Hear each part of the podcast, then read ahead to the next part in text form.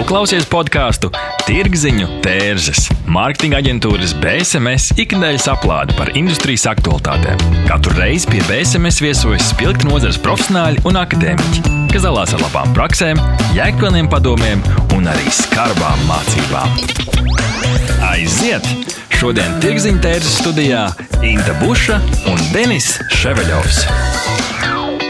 Esiet sveicināti tirgziņu tērzes epizode numur 5, un šodienas tēma ir kurš lasa digitāls žurnāls, un tieši tāpēc mūsu viesi ir Linda Saulīte, žurnāla liela veidotāja un aģentūras Dens Latvija vadītāja, kā arī Raus Dravnieks, žurnālists, copywriters un digitālo žurnāla Santa Plus galvenais redaktors. Labrīt! Labrīt! Labrīt. Ok, arvien vairāk lasītāji savus iecinātākos žurnālus lasa planšetes, telefonus un datoros.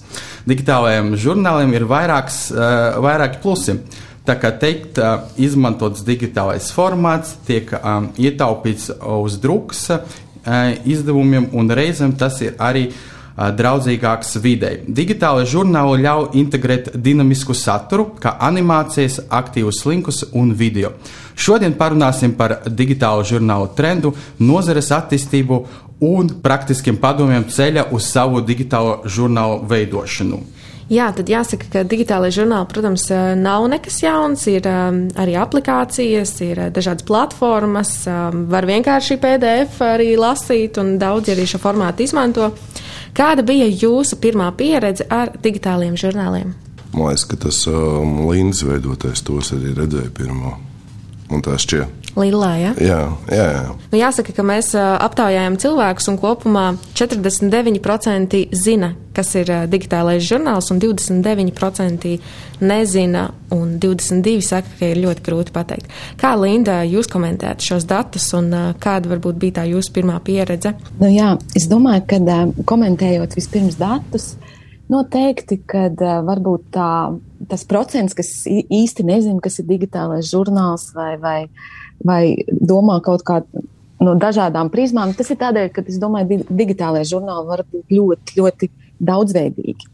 Un eh, tā kā pie mums tas vēl nav tā eh, ļoti plaši nostabilizējies, tad arī šīs formas ir ļoti dažādas. Bet, eh, jā, mans pašai mans um, radītais žurnāls radās, nu jau es tagad skaitīju, gatavojoties pirms astoņiem gadiem.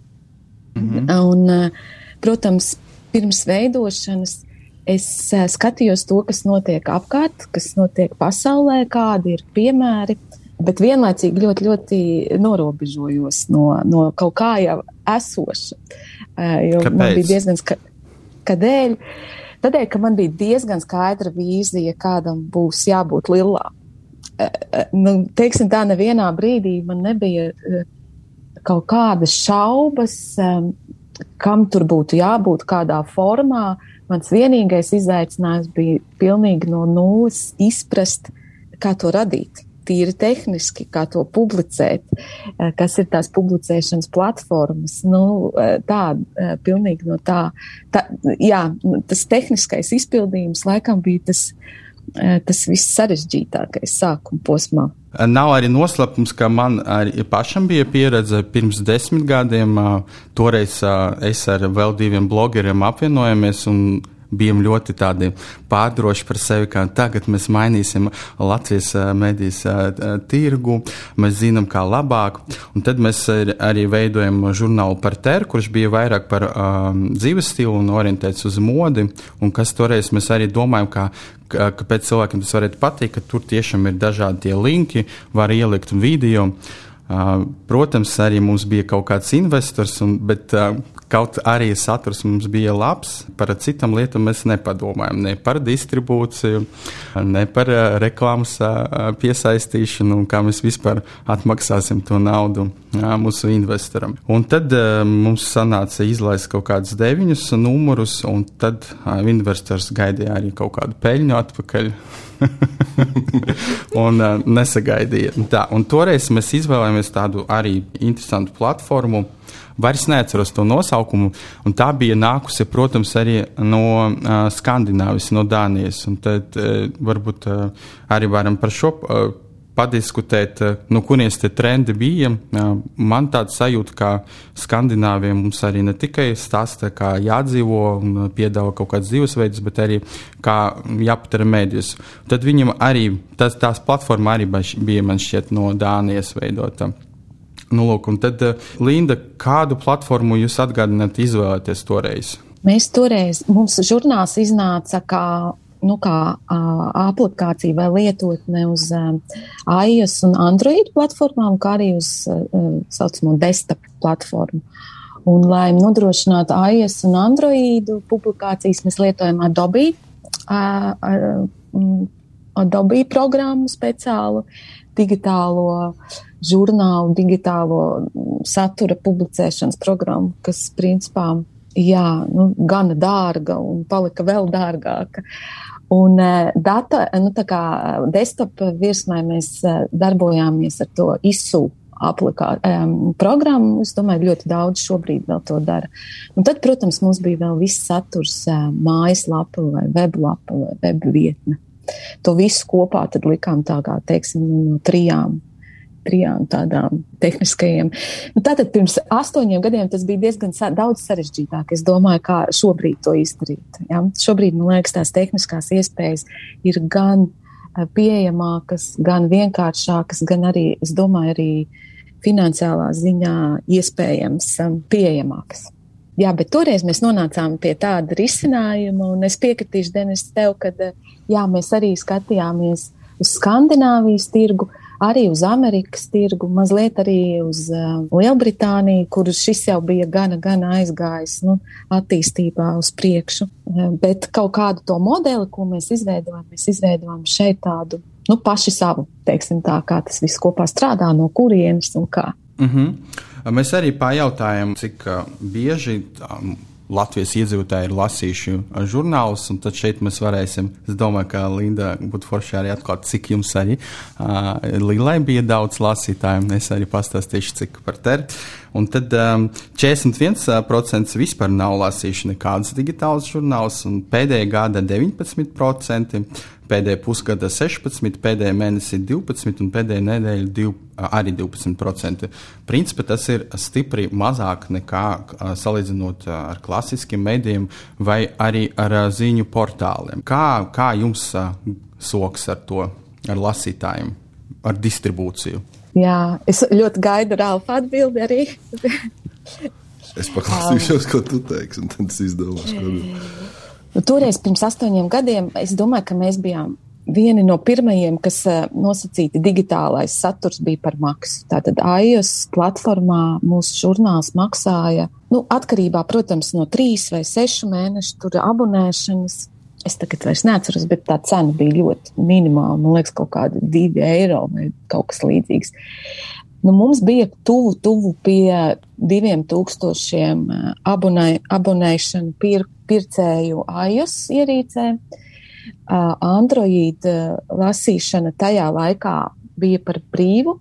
Nevarējām, man liekas, vai arī nu, kaut, kaut kā tur bija, ka Latvijas tirgu. Uh, Un tur arī bija vairāki simti, un tie, kas lasīja mūsu žurnālu, arī bez maksas mā, mūsu mājaslapas saturu, plus vēl desktop versiju, kas bija iz, nu, PDF versija, varētu teikt.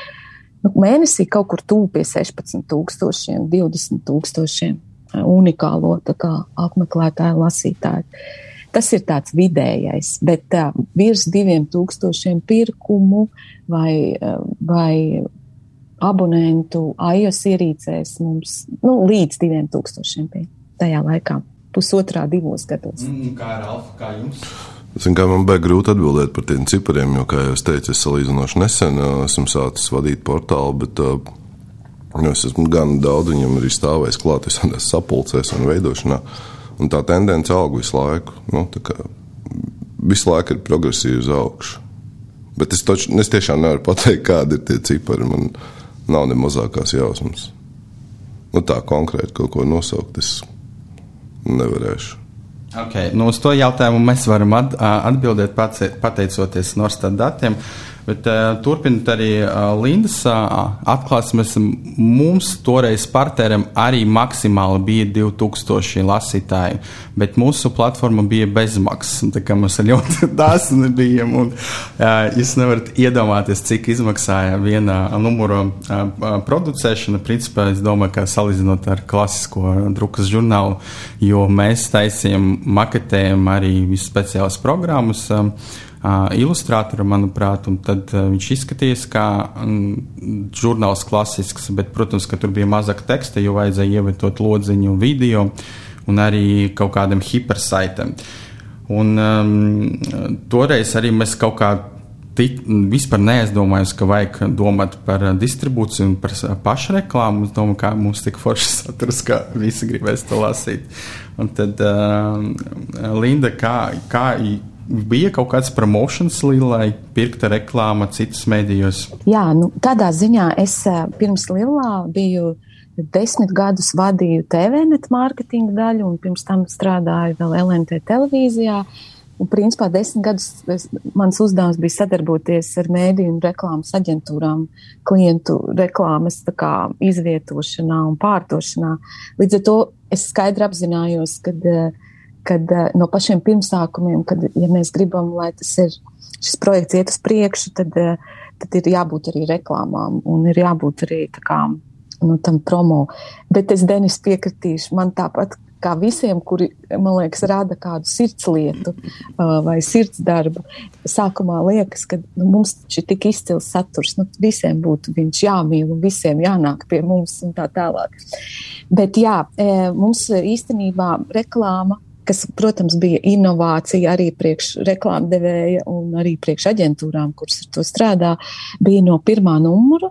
Un es domāju, mums gandrīz katrā numurā bija sadarbība ar vairākiem vai vienu ļoti interesants reklāmas nu, projekti, kas, protams, kā tu, Denis, es arī zinu, cik izmaksā viena numura ražošana, nu, eh, bija nu, tāds patīkams, varbūt maz atspaids tajā visā, bet nenosedz nekādā veidā izmaksas. Un arī lielā mēs, protams, dažādos veidos centāmies promotēt, um, bet es teiktu tā, ka uh, es pati ar to strādāju un uh, ļoti, ļoti spēcīgi mums zīmolu izdevās radīt atpazīstamību caur sociālajiem mēdījiem. Tajā laikā Twitter un Facebook bija. Un ļoti labus rezultātus tādā atpazīstamībā uh, satura izplatībā, nu, tādā ieguvām tieši caur šiem mēdījiem, jo, kā jūs varbūt varat nojaust, jebkuri citi sadarbības mēdīji Latvijā tomēr uzskatīja mūs kaut kādā ziņā par konkurentiem. Un lai cik labas attiecības man bija ar cilvēkiem industrijā, pat varbūt izdevniecības vai pat portāli, kuri it kā bija pilnīgi kaut kas cits, nu, labprāt var būt mazliet atbalstīt, bet tādu lielu sadarbību un atbalstu promo ziņā. Um, nu, varbūt šī fakta dēļ mums neizdevās iegūt, kas ir arī loģiski un saprotami. Jā, Jā. Um, es arī I can relate. Vispār bija ļoti um, šokēti. Es uh, pats esmu no PR backgrounda, protams, ka man labas attiecības ar redaktoriem un žurnālistiem bija ļoti svarīgas. Tad viņi bija tāda pilnīga neizpratne un uzskatīja mūsu to par ter par kaut kādiem draudiem, ka mēs tagad mēģināsim atņemt maizes gabalu no viņiem, piedāvāt kaut kādu saturu bezmaksas. Bet patiesībā nu, tur tiešām ar diviem tūkstošiem tas, lasītājiem tas nebūtu iespējams. Uh, Un tā, un tad man jautājums ir Alfam, kā, kā jūs raugaties uz um, tādiem mm, varbūt blogeriem vai citiem cilvēkiem bez uh, žurnālistikas uh, backgrounda, kuri mēģina ienākt uh, mediju tirgus? Jā, tas ir interesants jautājums. Nezinu, nu, man kā profesionālim es uzreiz redzu, kurš, kurš prot un kurš neprot. Nu, līdz ar to man, es vispār varu pateikt, ka es gandrīz latviešu valodā praktiski neko nelasu, izņemot Rīgas laiku. Dažkārt atšķir kādu no mūsu izdevumiem. Es saprotu, tas izklausās šausmīgi augstprātīgi un tam līdzīgi, um, bet tā vienkārši ir. Nu, es, es, es nespēju lasīt kaut ko, kas man nepatīk. Nu, līdz ar to ir tā, ir tā kā ir. Satorija varbūt dažreiz atšķir. Jā, satorija ir ok. bet nekāda reklāma viņiem. Bet, jā, jā, nu, man liekas, ka tas ir tas svarīgais, ka kāpēc daudzi varbūt sāk un kāpēc viņi neizdzīvo. Tāpēc, ka viņi vienkārši nav profesionāli tajā, ko viņi dara. Nu, kā, mēs gribam taisīt saturu, jā, bet vai jūs protat taisīt saturu? Nu, vai jums ir backgrounds, lai to darītu? Ok, jums ir forša ideja, jūs zināt, kā to iznest, bet jums arī ir jābūt um, nu, apakšā labiem cilvēkiem, kas to spēj izdarīt. Mums ir Cik Latvijā ir izdevniecības tur lielās, kas vēl dzīvo? Trīs, četras, laikam. Jā. Trīs, četras, jā. Tā. Nu, jā, bet, nu, tā kvalitāte arī, nu, man liekas, tie cipari tomēr rāda to kvalitāti, kurš, kur, kurš var uzrakstīt labāk, kurš varbūt nevar uzrakstīt tik labi. Bet es saprotu, es izklausos ļoti augstprātīgi šobrīd. Nu, nemaz tā nav. Es domāju, ka tagad ar visu to manu pieredzi es arī sapratu, ka daži tur komentāri bija tieši vietā. Nu, runājot par cipriem, un mēs arī pajautājām, kādus digitālus žurnālus jūs lasat, un tad 19% respondentu atbildējuši, ka tā ir Santa Plus. Tā kā plusiņš jums ir Ralf. Bet redz, nu jā, tur jau tas ir baigs svarīgais moments, jo Santa Plus saturs veidojās no visiem mūsu, nu ne no visiem, bet no ļoti daudziem mūsu izdevniecības žurnāliem. Respektīvi, mums ir nu, nenormāla bāze, un man liekas, baigā jauda, lai mēs varētu uztaisīt to, ko mēs taisām. Nu, pieņemsim, būtu situācija, ka tagad es ar Alfs izdomāju, ka es taisīšu digitālo žurnālu Uh, ar šādu dzīves stilu. Glancētais, uh, drukā, glancētais dzīves stila žurnāls digitālajā vidē. Tā mēs esam sev nodefinējuši. Un tagad iedomāsimies, ka es tādu žurnālu gribu izdot. Uh, viņam tā īpatnība ir tāda, ka viņš iznāk katru dienu. Katru dienu viens raksts, nevis kā mēnesī atsūta paskastītē un saņem, bet mēs katru dienu pilinām pa vienai vienībai. Nu, tagad es tā gribētu uztaisīt, un man būtu jāatrod vismaz desmit ļoti spēcīgi autori Nu, manuprāt, tas uh, Latvijas kaut kādos Latvijas kontekstā vispār pat uh, nebūtu iespējams. Vēl, vēl nu, tīri arī tas darbs, ka tev ar viņiem ir jāsarunā, ja? nu, lai jāuzticas, ka viņi to izdarīs. Mums jau apakšā ir tā ticamība, ka mums tas saturs būs. Nu, saprotiet, tas, tas viss ir tāds ļoti sīks, smalks nianses, kāpēc mēs spējam, man liekas, dzīvot un kāpēc mēs spējam radīt to, ko mēs radām. Inti, tev, sapratu, tev ir jautājums kaut kāds briest. Nu, man patiesībā ir tā, tāds um, jautājums, ko mēs īstenībā arī, pat, man liekas, citās iepriekšējās epizodēs esam pārunājuši. Tas vienmēr ir tas, vai Latvijas auditorija ir pietiekami. Un tad jautājums jums, vai esat apsvēruši, varbūt tulkot uz krievu vai angļu valodām savu saturu? Nē, šobrīd tā doma nav bijusi, bet es saprotu, par ko tu runā. Jā, jā, tā ir. Tā ir. Jā, bet tā, nu, redz, tev arī ir tā specifika, ja mēs tulkosim, nu, piemēram, Edgara Bunča interviju krieviski, vai viņu lasīs, vai, vai Regīnas ezers kaut kādu tur dzīves stāstu. Nu, es kā piemēru jau šobrīd. Jā. Jo, nu, tas arī ir tas, ka, piemēram, es šobrīd arī domāju par saturu Tas gan bija vairāk, tad, kad strādāju klubā. Es gribēju izveidot kaut kādus uh, tādus pielikumus, piemēram, intervijas, tur, piemēram, 15 gadu griezumā ar nu, Latvijas spēcīgākajiem džekiem. Nesauksim viņus vārdos, bet jūs apmēram saprotat. Un tad pārlasot tās intervijas, es saprotu, ka daļa no viņām īstenībā nu, zaudē aktualitāti. Un tas ir īstenībā baigi traki, jo um, tas saturs dzīvo tad, viņš nedzīvo tagad. Un līdz ar to arī tulkot kaut ko uz citām valodām. Nu, jā, protams, ir kaut kāda universāla materiāla, ko, ko, ko varētu tulkot un varētu dot, bet lielā mērā tas tomēr ir lokācijas jautājums. Linda, kā, kā, kā jums bija? Jā, es pilnībā piekritīšu, ka uh, saturs un īpaši nu, tāda veida žurnāls vai kā ir ļoti, ļoti par lokāciju un par cilvēkiem, kas vai tur esoši vai vēsturiski mums šeit Latvijā ir, ir būtiski. Un es domāju, ka e, man nav, tas ir mans tīri objekts subjektīvs vērtējums vai doma. Droši vien, ja mēs salīdzinātu, nezinu, tulkotu uh, interviju ar kādu ārzemju nezinu, zvaigzni, lielāku vai mazāku, tulkotu šeit Latvijā, nolikt blakus uh, Latvijā radītu interviju ar kādu personību, kas mums, nu, kādai noteiktai daļai rezonē. Es domāju, ka šī vietējā intervija būtu daudz, daudz uh, lasītāka un varbūt arī kontekstuāli mm -hmm. rezonētu daudz vairāk. Un uh, tas ir arī atbildi, jā. Kad līdz ko mēs domājam par citu tirgu vai citu valodu, tas jau ir atkal uh, jauns koncepts. Tas nevar būt uh, pārtulkojam esošu saturu. Un, um, nu jā, tajā lielā procesā mēs tieši par šo pašu arī gan runājām, gan izpratām, gan, gan, gan tāda arī veidojās tā pārliecība. Bet atbildot uz jautājumu, vai Latvijas uh, auditorija ir pietiekama, droši vien, ka es, nu, protams, ka valoda mums ir, cik mēs esam, tu miljonus ar kaut ko, vai ne? Viņš tā aizdomās, oh, cik ir. Jā, maz, jau maz. Bet lielā gadījumā, un es domāju, digitālo žurnālu gadījumā, tas, ko mēs redzējām, mūs ļoti, ļoti daudz lasīja latvieši visā pasaulē. Un tas bija arī tas, kāpēc mēs sa savā ziņā bijām. Mums lasīja, tiešām mēs redzējām no, no Amerikas, no Austrālijas, rakstīja.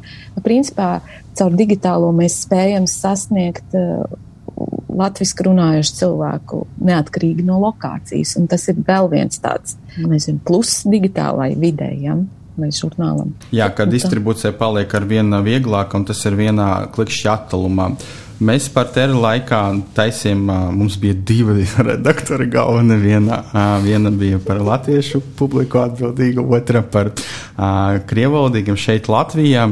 Un principā mums da, viens saturs, kas bija par tendencēm, kosmetiku un modi, viņš bija pilnīgi pārtulkots, cits tādas intervijas kaut kādi tur viedokli. Protams, ka viņi bija dažādi, netulkojams, un tad mums arī bija divi video pers personas.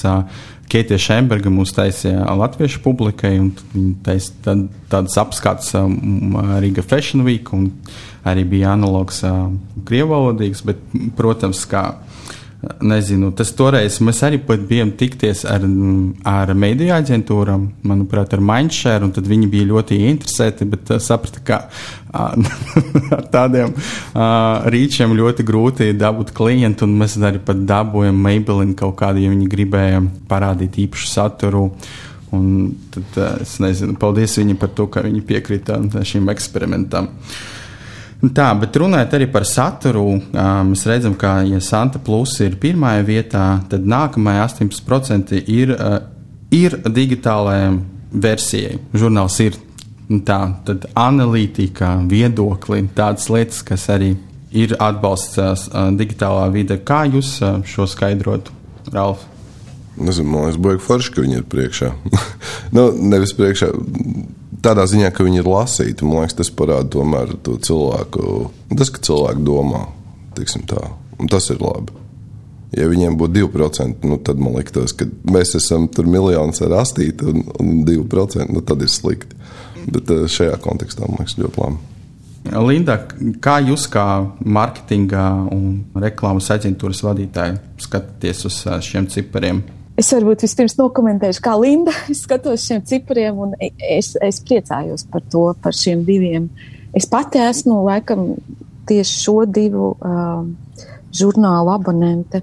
Varbūt, kad ir vēl kāds, ko es esmu piemirsus, bet tas ir, ko es regulāri lasu. Ja? Bet kā mēdīju aģentūra vadītāju, es tagad atkāpjos mazliet un zinu, uh, kas ir tā, tie kritēriji vai kas ir tas, ko skatās reklāmdevēji mēdīju kontekstā. Es novēlu mums visiem kaut mēs vairāk izvērtējot eh, mēdīju kanālus kā, kā reklāmas kanālus, eh, dat, datiem, rīčiem un visiem citiem cipariem liktu klāt vēl kontekstu, kontekstuālo eh, būtību ko tas būtībā nozīmē, ja? ka mēs nesalīdzinātu tikai tādus absolūtos ciparus, jo līdz ko mēs salīdzinām absolūtajos ciparos, nu, protams, ka tur mūsu ziņu portāli ir numur viens apmeklētības ziņā, ja? un, eh, un tad mēs pieliek, pieliekam, piemēram, klāt uh, žurnālu ir elektronisko versiju vai žu, digitālo žurnālu, un tad tie cipari izskatās citādāk. Bet uh, tas, ko mēs darām, mēs, protams, aizvien vairāk un vairāk, un arī klienti un reklāmdevēji, es ceru, uh, ņem vērā to kontekstuālo to būtību, jā, to auditoriju, piemēram, kas lasa ir, jā, vai lasa Santu plus vai Santu. Es komentēju, tīri cilvēcīgi, man arī ir prieks. Tas nozīmē, ka, kad, kad ir, kad šī tendence un tas, ka cilvēki ir gatavi nu, ne tikai teikt, ne tikai domāt, bet reāli arī nobalsot, pieņemsim, finansiāli par, par kvalitatīvu žurnālistiku. Ja? Arī digitālajā vidē. Man liekas, tas ir ļoti labi. Bet, zin, kā man arī liekas, ka tas īstenībā nav nekāds brīnums. Nu, jo, ja pirms laika mēs paši diskutējām, uh, pirks vai nepirks, abonēs vai neabonēs, tad liekas, mēs šobrīd dzīvojam situācijā, ka nosauciet man kaut ko, par ko jūs nemaksājat. Par mūziku jūs maksājat, par filmām jūs maksājat, uh, par ēdienu piegādi jūs maksājat. Mēs par visu šobrīd maksājam. Un, man liekas, tādā ziņā atkal nav jāuztraucas par to, vai vai šis formāts spēs dzīvot par maksu. Viņš dzīvos, bez šaubām dzīvos. Vai ne? Bet, nu, bet, bet Ralf piekrīt, jā. tas nav ļoti dabiski un naturāli maksāt par saturu. Es domāju tādu. Bet mēs jau nu, žurnāla veiklā arī nepaņemam vienkārši tāpat un neaizējām. Nu, tā. Bet zinot, kā iet arī un cik kāds tas ceļš ir citiem, piemēram, digitālajiem maksas saturiem, un es domāju, ja mēs parunātu ar žurnālu, ir tas, es domāju, ka tas nav bijis vienkārši ceļš. Nē, nē, Tagad var būt. Jā. Mm -hmm. jā. Bet es domāju, ka nu, tam ir potenciāls nākotnē. Uh, nu, es nezinu, es, man jā, laikam būtu jā. grūti nosaukt vēl kādu cilvēku, izņemot mani, kurš uh, mūziku internetā zog. Vispārējie maksā Spotify, jo nu, tā. Oh, jā, labi. Man uzreiz gribētu pārgriezt cita plāksne mūsu sarunu. Tad vēl 6% respondentu norādījuši, ka viņi lasa Lefisieļa žurnāla digitālu versiju. Un tad arī tas ir ļoti interesanti, jo mēs redzam, ka Latvijas mēdīju tirgu dzīves stila žurnāli, īpaši modas un, modas un lakšeri segmenta žurnāli, daži ir aiztaisījuši ciet, citi samazina savu frekvenci, tad daži ir pārgājuši uz katru otru mēnesi, un tad digitāli arī daudz nelasa. Tad man tas liek aizdomāties par to, ka ir dažādi saturi, kur cilvēki grib patērēt cita veida. Un es domāju, ka ar sociālajiem mēdījiem, ar Instagram, kad katram patērētājam ir iespēja patieši komunicēt vai sa saņemt ziņas no zīmola, kas viņam interesē, to ir ietekmējuši. Uh, Un tad jautājums, par ko cilvēki ir gatavi mak maksāt, varbūt tas ir saturs, kurš ir tāds sarežģītāks, analītiskāks, kurš nav vienkārši tāpat atrodams. Domas? Par ko viņi ir gatavi maksāt? Jā, par ko viņi ir gatavi maksāt, un vai vispār Latvijā mēs varam piedāvāt kaut ko šādu. Mēs jau pirms tam runājām par to, ka mūsu saturs uh, nāk no mūsu drukātajiem žurnāliem. Līdz ar to man liekas, tā atbilde ir diezgan skaidra. Viņi ir gatavi maksāt par to, ko viņi var izlasīt arī drukātajā žurnālā. Nu, Bet es te runāju tikai par sevi. Es nezinu, man grūti pateikt, par ko citi ir gatavi maksāt. Nu, gan jau par kvalitāti. Nu, kvalitāte jau tomēr ir uh, tas, tas, par ko tu esi gatavs maksāt. Un, Linda, kā jums šķiet, kā tagad, um, uh, ja Lila būtu iznākusi tagad, uh, vai cilvēki būtu gatavi maksāt par to saturu, ko jūs gribētu konceptuāli piedāvāt, vai tomēr jūs mēģinātu iztikt ar uh, reklāmu? Nē, es domāju, ka šodien daudz vairāk būtu gatavi maksāt Es laikam teiktu, nu, es gribētu ticēt, ka cilvēki ir gatavi maksāt par oriģinālu saturu, par ko tādu, uh, ko viņi um, nevar izlasīt varbūt citur, un kas ir radīts tieši konkrētajam mēdījam vai konkrētā autora radīts, vai, nu, principā par to unika, unikalitāti. Jautājums, nu, kā nu kurai auditorijai, cik lielā mērā tas ir vajadzīgs, Bet es laikam teiktu par oriģinālu saturu, par to, kas ir radīts tieši šim mēdījam, vai tieši no šī autora, vai nu jā, kaut kas uh, unikāls. Un tas, ko es skatos, kas notiek arī mm, ziņu portālos, kur ir maksas saturs, nu, tas tieši to ceļu arī. Arī viņi iet. Ok, bet um, ja mēs runājam tā vispārīgi, kas atšķir labu saturu, labu digitālo žurnālu no netik laba, un kāpēc, teiksim, šie ir topu virsotnēs un citi nav. Vai tiešām tas ir tikai oriģināls saturs, vai varbūt ir kaut kādi uh, triki, ko jūs integrējat, un, un kaut kādi citi rīki, kas tad nosaka to, kāpēc kāds ir veiksmīgāks un kāds netik veiksmīgs? Kā jums, Linda, šķiet? Es domāju, noteikti ir arī, nu, vien žēls, nu, piebildīs vairāk, bet es domāju, ka noteikti ir arī pasniegšanas formai ir būtība. Un nav jau nekāds noslēpums, it kā varbūt tas ir mazliet cits griezums šobrīd, bet uh, arī tas veids, kādā mēs patērējam saturu digitāli, gan kombinācija ar, ar, ar rakstošo, gan ar video, gan varbūt vēl kāds. Bet um, es domāju, arī formai, nu, kvalitāte, forma, pieejamība droši vien ar, arī nu, tā. Jā.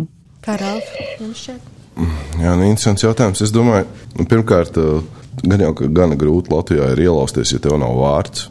Nu, liekas, tas vārds ir nu, tas, tas, kam ir liela nozīme. Jo, piemēram, mēs neesam gājuši to ceļu. Uh, lai gan mēs varētu reklamēties žurnālos, ja salikt uz visiem ceturtajiem vākiem Santa Plus reklāmu, mēs to nekad neesam darījuši. Sociālā tīkla ir tas, jā, ar ko tas ir viens, un Santa LV ir otrs kanāls, ar ko mēs esam piesaistījuši savus lasītājus. Man liekas, tas ir nu, tas kaut ko parāda. Protams, kvalitāte, autori, autoru vārdi, kas mums jau laikam ir gan spēcīgi, bet nu, tas arī tas ir mans burbulis. Es nezinu, gan jau, ka es izietu uz ielas un pajautātu kādam pretīm nācējam, kas ir uh, tur Anna Peipiņa vai Ineta Meimana. Es domāju, ka visdrīzāk viņi teikt, nu, sievietes, bet ko viņas dara, es nezinu. Uh, Un, Annu Pēpiņu man šķiet atpazīst ļoti labi. À, nu labi, ok, jā. Nu. Tāds sajūta mazliet.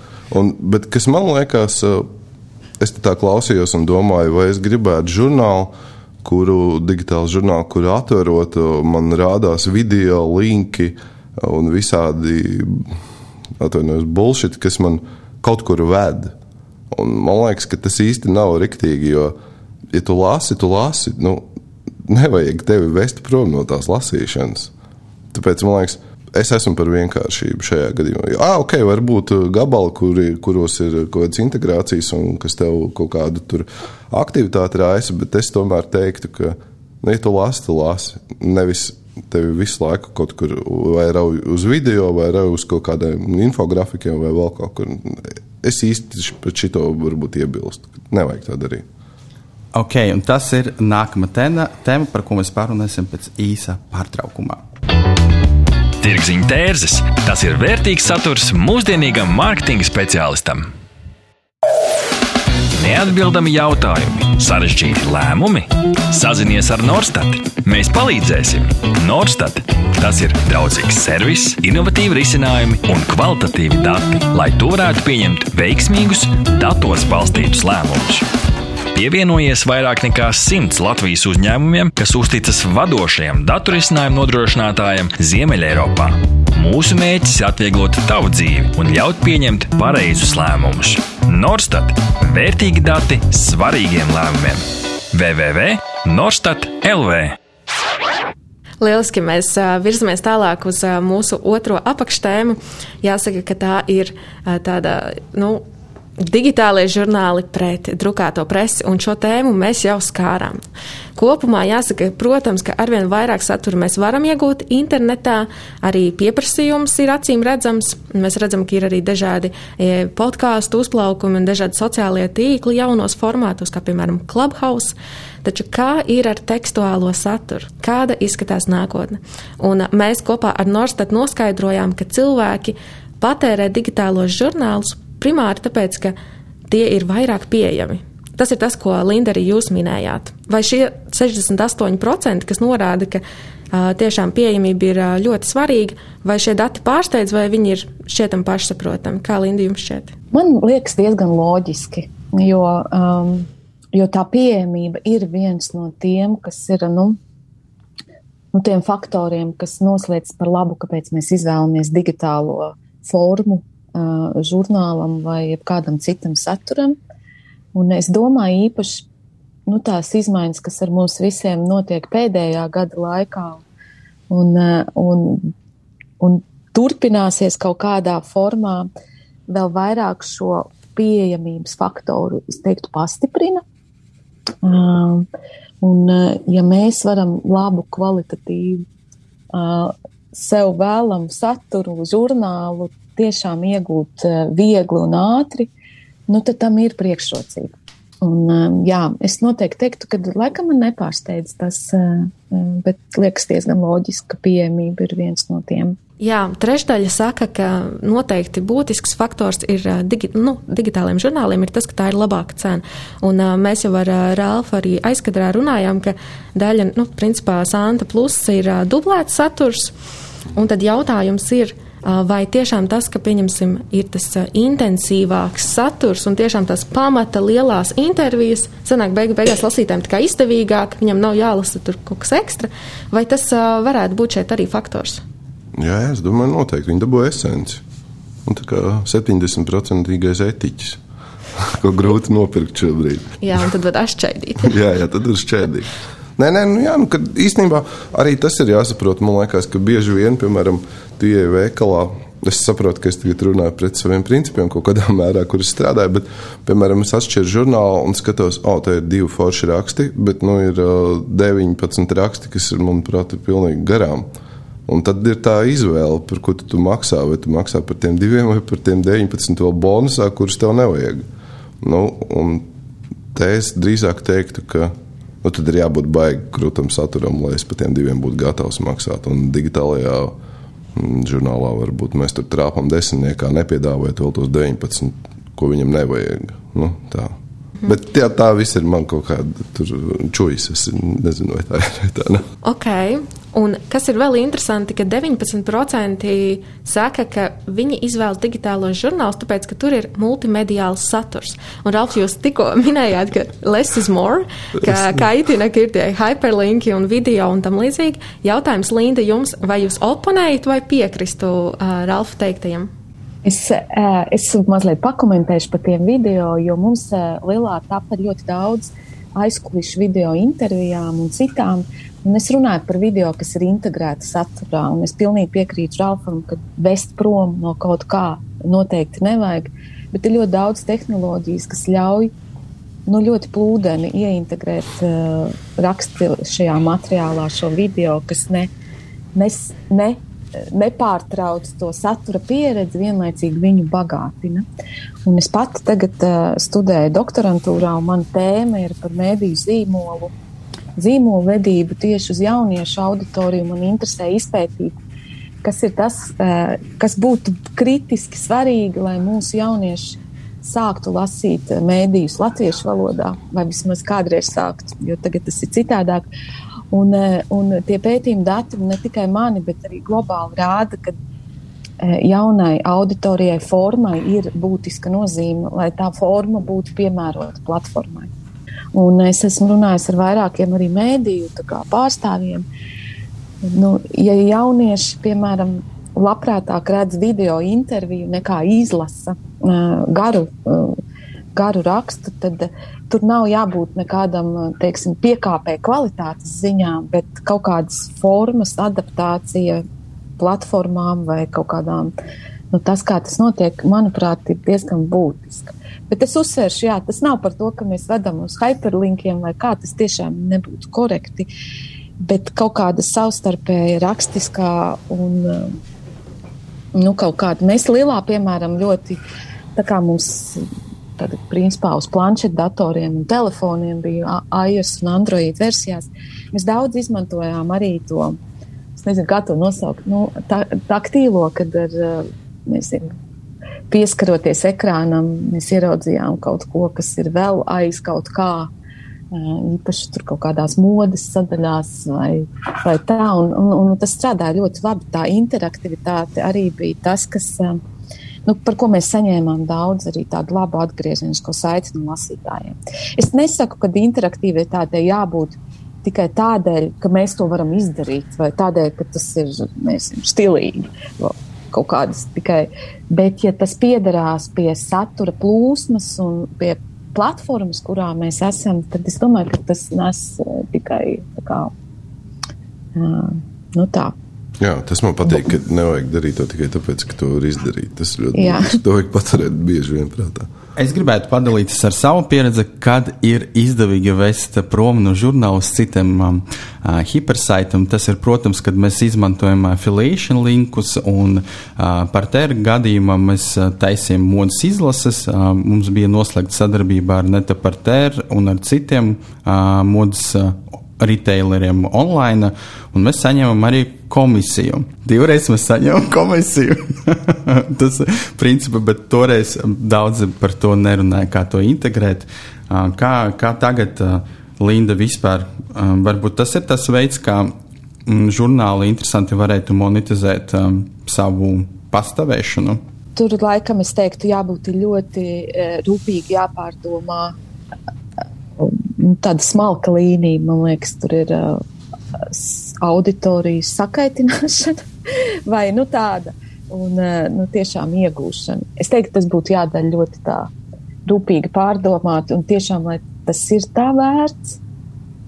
Es esmu redzējis ne Latvijā, bet tā, kaut kādā ārzemju resursos, kur nu, var redzēt, ka ļoti pārspīlēts ar to afiliētu mārketingu. Un, un tas gal galā kā lasītājam īsti nedod tādu sajūtu, tur atgriezties vēl vai, vai, vai varbūt maksāt. Bet, ja to dara tā, nu, saprātīgi, vai, vai tā, ka es kā lasītājs no, izlēmu, ka tas ir man vēl pievienots bonus, ka caur šo es vēl iegūstu kaut ko, tad jā, bet. Nu, es laikam vienā teikumā teiktu ļoti prātīgi jāpārdomā. Man liekas, ka beigas svarīgi ir saprast, ko, nu, tieši ko tu tā esi, kas ir tās produkts. Jo es tagad arī klausos un domāju, piemēram, ja tas būtu autožurnāls, nu, baigi forši, ka ir tāds saturs, kas tevi kaut kur ved un vēl kaut ko rāda. Ja, bet, ja tas ir nu, vairāk intervijas un uh, tur stāsti un, šī, un tāda tīri lasām gabali, nu, tad nevajag vēst. Nu, tad tiešām ne, nedariet to tikai tāpēc, ka jūs to varat izdarīt. Tā gadījumā Denis jau modes žurnāls. Nu, jā, man liekas, tas ir uh, forši. Nu, tā jau nu ir tā pievienotā vērtība, par ko visiem ir jādomā. Tā esot žurnālā. Ja? Ka, ko, ko tu vēl iedos klāt? Ļoti labi, jā, jo principā tad no jūsu sacītā sanāk, ka zini, kas tu esi. Jā, jā, jā. Un skaties, vai tev to vispār vajag. Tieši tā, tieši mm -hmm. tā. Nu, jā, daļa no koncepta. Ja mēs runājam atkal par drukāto presi, mēs jau nedaudz skārām šo tēmu. Kā nākotne varētu izskatīties? Un, Linda, jūs arī minējāt, ka noteikti šeit digi digitāliem žurnāliem tas tirgus aug un aug. Kā ir, Ralfa, jūsu gadījumā, kā ir Linda jums? Nu, tā tendence, ka liekas, kopš 2008. gada nu, nevienam nav noslēpums, ka viņi lēnām slīd uz leju. Jā, nu, baigi grūti atbildēt. Es domāju, ka drukātā presa jebkurā gadījumā dzīvos, kamēr vispār cilvēki radīs papīru. Jautājums tikai būs par to, cik daudz, cik lielā mērā, cik bieži, cik tas maksās. Un tā tālāk, un tā joprojām runā par to, ka būs izdzīvos tikai nišīgie žurnāli, jā, tur kaut kādi iknedēļ. Nu, Nē, nu varbūt arī iknedēļas. Es nezinu, bet jebkurā gadījumā, jā, nu, nišīgie varbūt būs tie, kas turpinās uh, dzīvot. Bet skaidrs, ka, nu, pastieties, plēbojas, uh, man liekas, arī viņš iznāk vēl vispār, druk, neiznāk vairāk.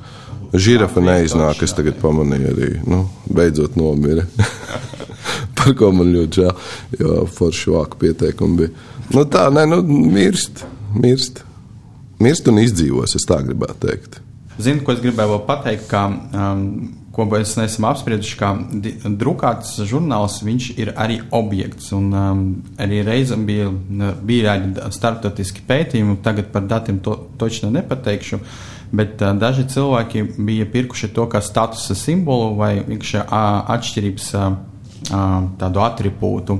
Un tad, ja tu nopērci šo vogu žurnālu, tu vari neizlasīt viņu, mm -hmm. bet mhm. vari pastaigāt smuki garā pa ielu, un visi zinātu, ka ok, tad tā, šī dāma ir tāda vogu dāma. Un tad ir jautājums arī, zinu, ka Lindai bija tādi jautājumi, kāpēc jūs nedrukājat savu lielisko lielu? Un tad jautājums varbūt šādiem digitāliem žurnāliem vajadzētu arī uh, iemesoties arī fiziskajā pasaulē ik pa laikam? Ļoti labs jautājums, jo ja es sāktu šo visu no šodienas, no jauna, es noteikti miksētu drukāto ar, ar digitālu. Un to es sapratu, un to es tā pie tāda secinājuma nonācu jau diezgan ātri. Um, Un es, es, man patīk šis teiciens, ko Rāls teica, ka uh, žurnāli būs, kamēr, kamēr būs papīrs, un, uh, jā, varbūt krīt lietojamība, lasāmība, un, un, eh, bet es domāju, ka drukātais, eh, drukātais paliks. Jautājums, jā, vai tas būs nišīgs, vai tas būs kaut kāds um, status, vai tas demonstrēs to, kas mēs esam, vai to, kas mēs gribētu būt. Bet um, man liekas, varbūt tas īstais kaut kāda labā kombinācija ir digitālais plus drukātais. Es, es, es taisītu drukātais plus digitālais šobrīd, ja es sāktu visu no jauna.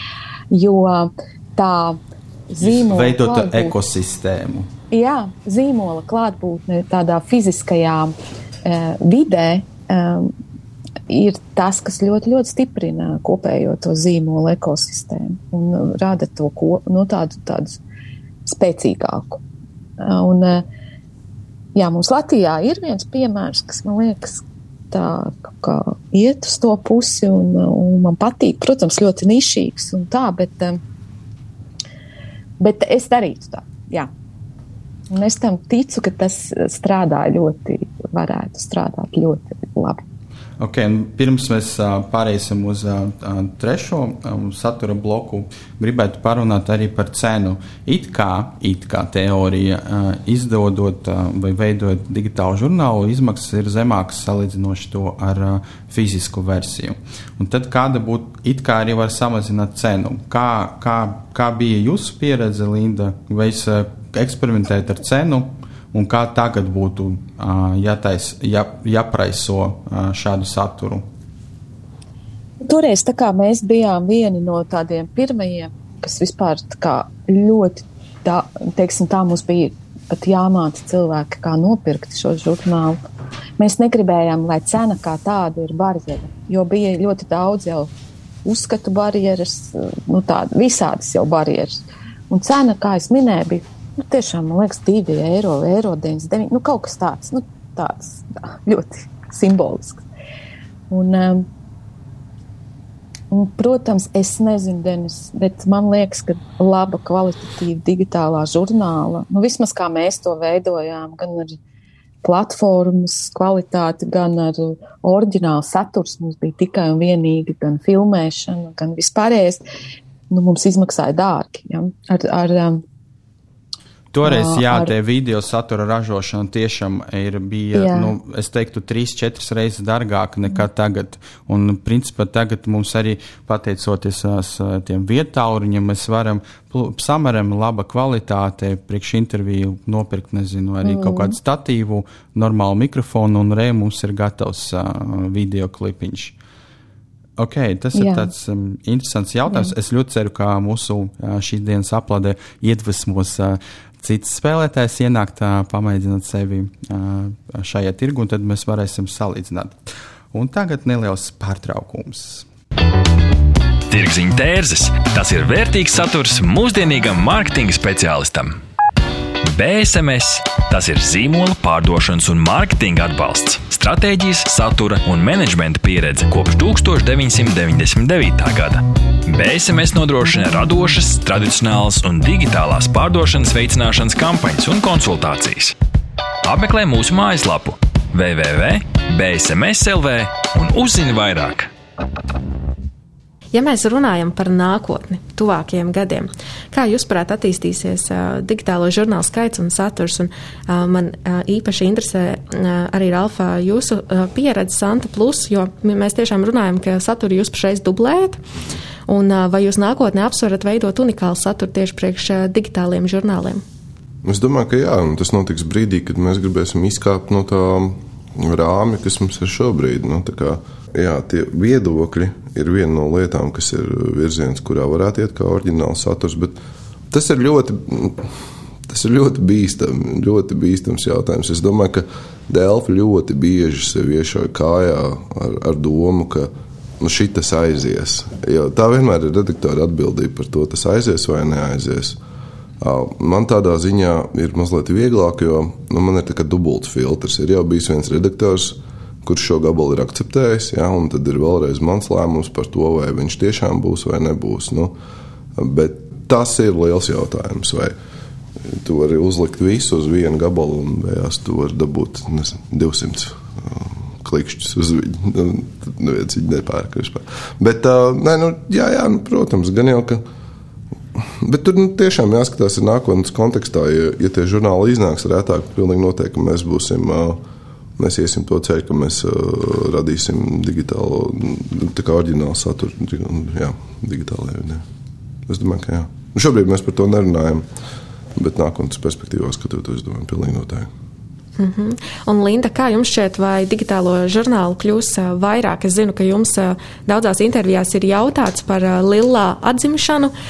Kā jūs komentējat to šodien, un vai redzat, ka varbūt digitālajie žurnāli plauks un zels tuvākajos gados? Kā jums šķiet? Es domāju, ka jā, kad šis digitālais saturs, kurš uh, oriģināls digitālais saturs, dažāda veida um, paliks tikai vairāk. Un, uh, kā, nu, kādā, kāds tas digitālā žurnāla forma un kā tas ir cits jautājums, bet es domāju, ka tas ir tas, ir tas kur iet uh, jā, mūsu mēdī un uh, ne tikai mūsu. Un, uh, jā, es nedomāju, ka tas būs tāds. Uh, nu, tāds ātrs un ārkārtīgi uzvaras gājiens, bet uh, ies roku rokā ar kopējo mēdīju attīstību noteikti. Drukāto, un arī ne tikai drukāto. Un, um, jā, jautājums par formu un jautājums, kā kurš mēdījis vai kā kurš žurnāls atrod to, to savu un uh, gan to savu vārdu stāstu, gan to savu auditoriju. Uh, bet uh, atbildot par lielā, jā. Es domāju, ka šodien noteikti Lilā būtu daudz vieglāk eh, radīt, bet no vienas puses arī uh, grūtāk. Un es, man liekas, esmu jau vienmēr atbildējis. Man liekas, es tikai priecātos, ja Lilā būtu, bet es nezinu, vai tas būtu jādara man. bet, um, bet varbūt kādu dienu. Bet, um, es esmu tikai un vienīgi par, lai digitālajā vidē būtu kvalitatīvs, interesants un uh, Un, um, nu, tāds augstvērtīgs saturs, kas um, nu, visu to kopējo mūsu nezinu, mēdīju pratību vai kritisko domāšanu vai ko citu, kā mēs to nosaucam, uzlabot un celt to latiņu par informāciju digitālajā vidē. Man liekas, ka nu. Jā, es piekrītu. Un ir vēl viena beigas svarīgā lieta, liekas, kas jāņem vērā, ka nevajag mēģināt um, pārspēt kādu citu tas ir arī svarīgs aspekts. Jo, nu, ja tagad radīsies vēl divas, divas platformas, līdzīgi kā Santa Plus, nu, nu nedariet tā. Nu, tāpēc, ka to nevajag, tas nav svarīgi. Vispār saprotiet, jums nevajag. Um, nu, jo, man liekas, es tagad biju atkāpšos, bet es pa, nu, pamatošu, kāpēc es tā sāku. Cik mums tagad ir tie video interviju YouTube kanāli, kuros uh, nu, tur uh, Andris, Horants, uh, Armāns, vēl kaut kas viņi visi intervē viens tos pašus cilvēkus. Kāpēc jūs tā darāt? Nu, tas vienkārši nav. Mēs dzīvojam Latvijā. Nu, jā, bet tā, nē, un, un kāpēc? Cilvēks, kuri cipa mums varētu atvest jaunus lasītājus. Viņi kļūdās. Un zinu, kāpēc viņi kļūdās? Tāpēc, ka viņi nav drosmīgi. Un viņi nav drosmīgi, tāpēc, ka viņi neskatās ārpus tās savas kastes. Es pirms četriem gadiem taisīju, man bija pašam, es tagad klausījos, sēdēju domāju, es taisīju, bija man tāds. Uh, principā arī digitāls žurnāls saucās Portrets LV, kurā es intervēju nepazīstamus cilvēkus. Nu, salīdzinoši nepazīstams. Tur, tur bija dāmas, tur bija viens uh, šefpavārs, tur bija džeks, kas uh, spēlēja ārfu un uh, boxējās. Viņš operā spēlēja ārfu. Un tur kaut kādas desmit intervijas kopumā bija, viņas nenormāli labi gāja. Viņas gāja šī iemesla dēļ, ka, bija, nu, ka tie nebija zināmi cilvēki, tie bija ļoti interesanti cilvēki. Un kāpēc tas bija viss tas, ko es teicu? Jā, var rasties jauns saturs, bet nu, viņi domājiet ārpus kastes. Nu, ne, neintervējiet vēlreiz visus tos pašus un nemēģiniet dublēt. Tad tas strādās un dzīvos. Nu, tā. Man uzreiz ir uh, ieteikums jums, Ralf, varbūt jūs varat attīstīt savu Instagram, kur jūs esat, un tur daudz nekas nenotiek, un varbūt tur var taisīt tādas mini intervijas. Ar... Es vairs, ne, à, nē, nu, es, jā, tur laikam atradu manu kontu. Es to vairs nelietoju, es izdzēsies principā. Aha. Bet man ir viens cits konts, kurā es uh, nodarbojos ar lietām, kuras es šeit varbūt uh, neminēšu. Bet man ir bijusi tā doma, jā, ka varētu intervēt. Bet šo sadaļu, starp citu, es ieviesu klubā. Mums ir rubrika intervija Hitchcocks, kur mēs tieši runājam ar nu, nezināmiem cilvēkiem, bet ļoti interesantiem cilvēkiem. Un tā, manuprāt, tā rubrika labi gāja. Šī iemesla dēļ, ka nu, nav jau tās atkal tās pašas sejas, kuras, un ko tad viņi atkal jaunu pateiks? Nu, neko, protams, neko. Un viņi nerunās. Tas arī jāsaprot, ka nu, šie cilvēki tomēr saprot, ko tu no viņiem gribi dzirdēt. Viņi neteiks. Tas, kas man liekas ļoti interesanti, ja mēs runājam tieši arī par to, to nišīgo saturu, ka ir vairāki uzņēmumi, zīmoli, kas darbojas apģērba, interjeru vai juvelieru izstrādājumu nozarēs un viņiem vai nu ir ieviesti savi digitālai žurnāli, vai viņi par to aktīvi domā. Un cik jūsuprāt, aktuāli ir korporatīvo zīmolu privātie digitālajie žurnāli? Kādas ir tendences šeit, un vai tas saturs būtu interesants? Tas ir tā kā tas paliek viņu, viņu iekšienē? Jā, jā, viņi uztaisa savu privāto digitālo žurnālu, kur tad viņi veido tādu saturu, kas viņa prāt ir viņu patērētājiem interesants un relatīvs patērētājiem. Tagad, tas žurnāls tomēr nonāk ārpus, ārpus korporatīvās vidas. Jā? Jā, jā, ir tāda, es zinu, kā arī uh, izdevniecības praktizē, ka viņi taisa maketē uh, vai raksta rakstus tādiem žurnāliem lieliem, tur nezinu, Sportlandam. Vai, jā, jā, es esmu taisījis Sportlands. Jā, jā. jā. Ne, nu, jā, nu, tas nu, Sportlanda gadījums, man liekas, ir uh, labais piemērs. Varbūt sliktāks piemērs būtu kaut kāds aptieks. Nu, es nezinu. Nu, grūti pateikt. Nē, nu, man liekas, nu, jā, tur ir alkohola žurnāli, piemēram. Tas varētu, tas varētu būt foršs lauciņš, kur, kur izplest spārnus. Un, nu, tur atkal jāskatās, man liekas, pēc specifikas. Jā. Kā Linda jums šeit? Jā, es arī domāju par to. Uh, nu, es arī zinu vairākus, es pat piedalīsies. Nu, man viņi liekas tādi īstermiņa dzīvot, kā tu pas, ne ilgtermiņa dzīvojošs saturs. Jautājums, kāpēc to saturu rada? Nu, nezinu. Šobrīd es tā eh, nevaru pateikt tādu viedokli.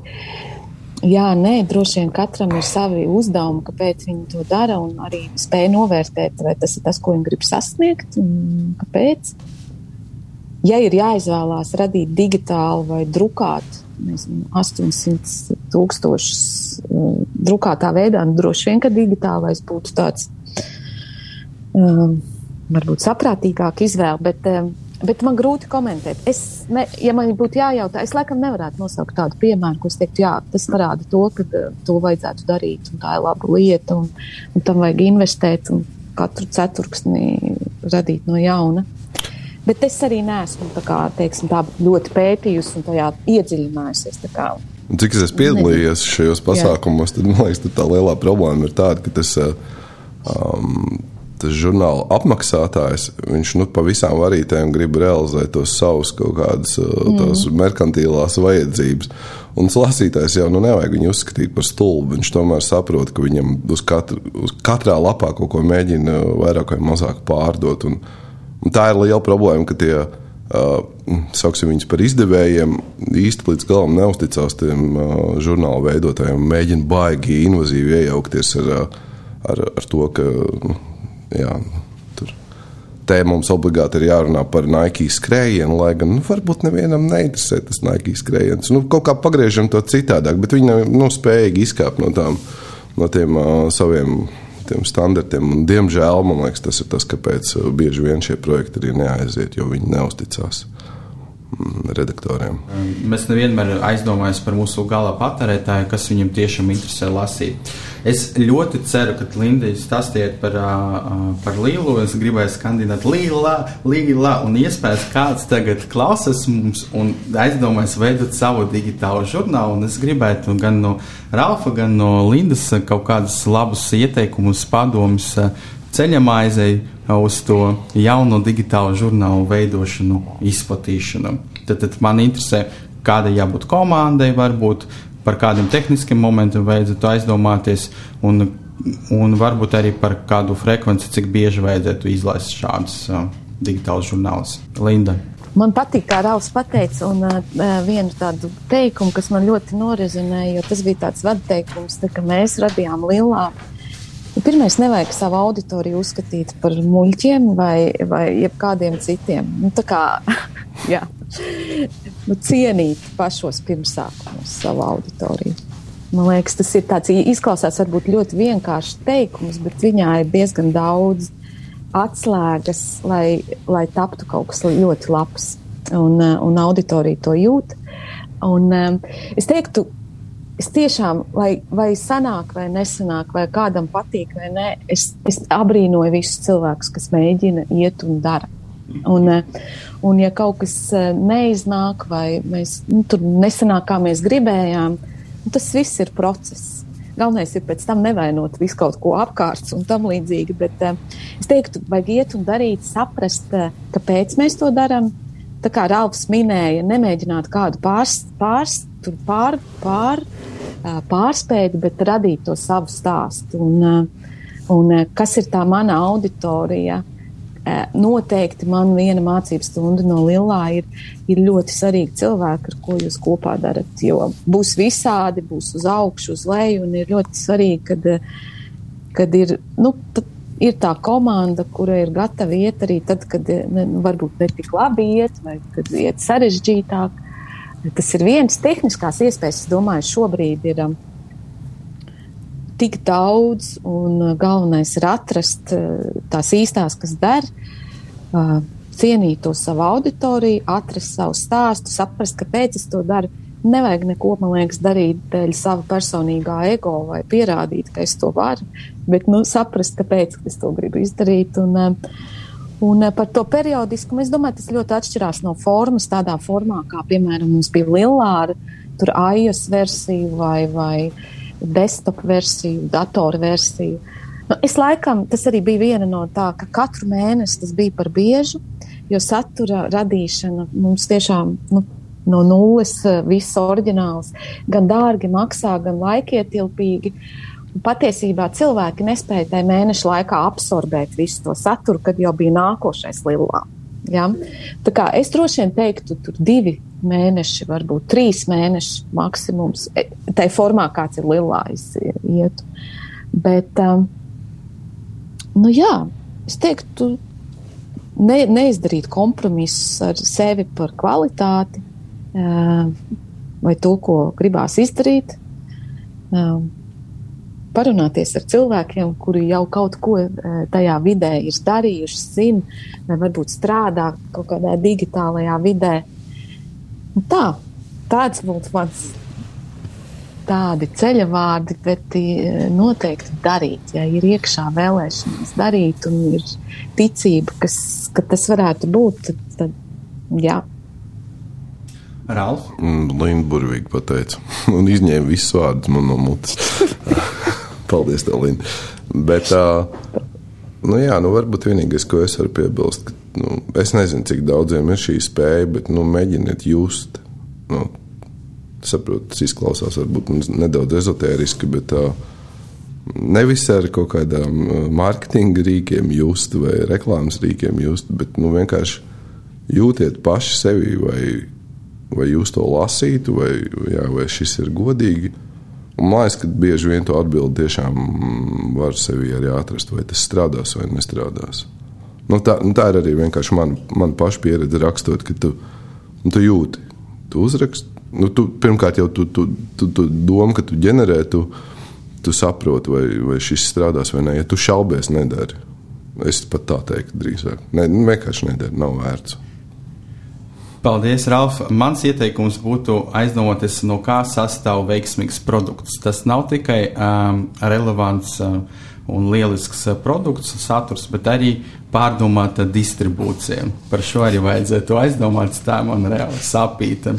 Tu domā, ka krūzītis tagad tirgot paralēli? es domāju, kā mēs uh, sasniegsim savu uh, lasītāju, à, jā, vai mēs būsim pieejami mēs varēsim atrast viņu īpaši tagad, kad mēs dzīvojam tik um, piesātinātā infotelpā. E, Ziniet, kā ir viena lieta, ko es iespējams darītu, ja es taisītu kaut kādu savu.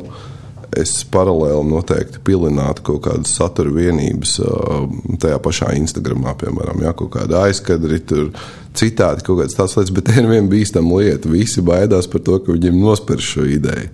Nu, ja tie, ja te, tā kā Linda teica, tie ir trīs mēneši, ja, piemēram, man ir ļoti labs kaut kāds kandidāts, ko es intervēju, un es eh, lieku pa kaut kādām vienībām, un tos cilvēkus jau lēnām uzvelku, kad būs, būs, būs, tad, man liekas, tomēr eh, ar prātu domājot, es drīzāk sabītos un domātu, eh, kāds man tagad viņu vienkārši ņems un nocels. Nu, tā. Bet, jā, jā, jā, tādā ziņā es tev pilnībā piekrītu, ka vajag vairāk komunicēt. Un, Mm -hmm. Un vairāk stāstīt par sevi. Nu, jūs pacēlat citu uh, tēmu, varbūt iespējams nākamajam uh, mūsu aplādēm, vispār par ideju, cik viņa ir vērtīga, ja ideja ir tikai ideja un netiek realizēta. Ok, ar šo es gribētu arī uh, atvadīties. Paldies! Studija bija Linda Saulīte, žurnāla Lila veidotāja, digitāla žurnāla pioniera un arī aģentūras Dents Latvija vadītāja. Rāls Drāvnieks, žurnālists, copywriters, digitāla žurnāla Santa plus galvenais redaktors un Inta un es Denis. Atā! Paldies, ka klausījāties BSMS podkāstu Tirziņu tērzes. Aplādi ar labām praktiskām, jēgpilniem padomiem un skarbām mācībām. Patika epizode? Dalies sociālajos medijos, ir idejas tēmām vai viesiem? Raksti mums! Tās bija tirgziņa tērzes. Tiekamies nākamnedēļ!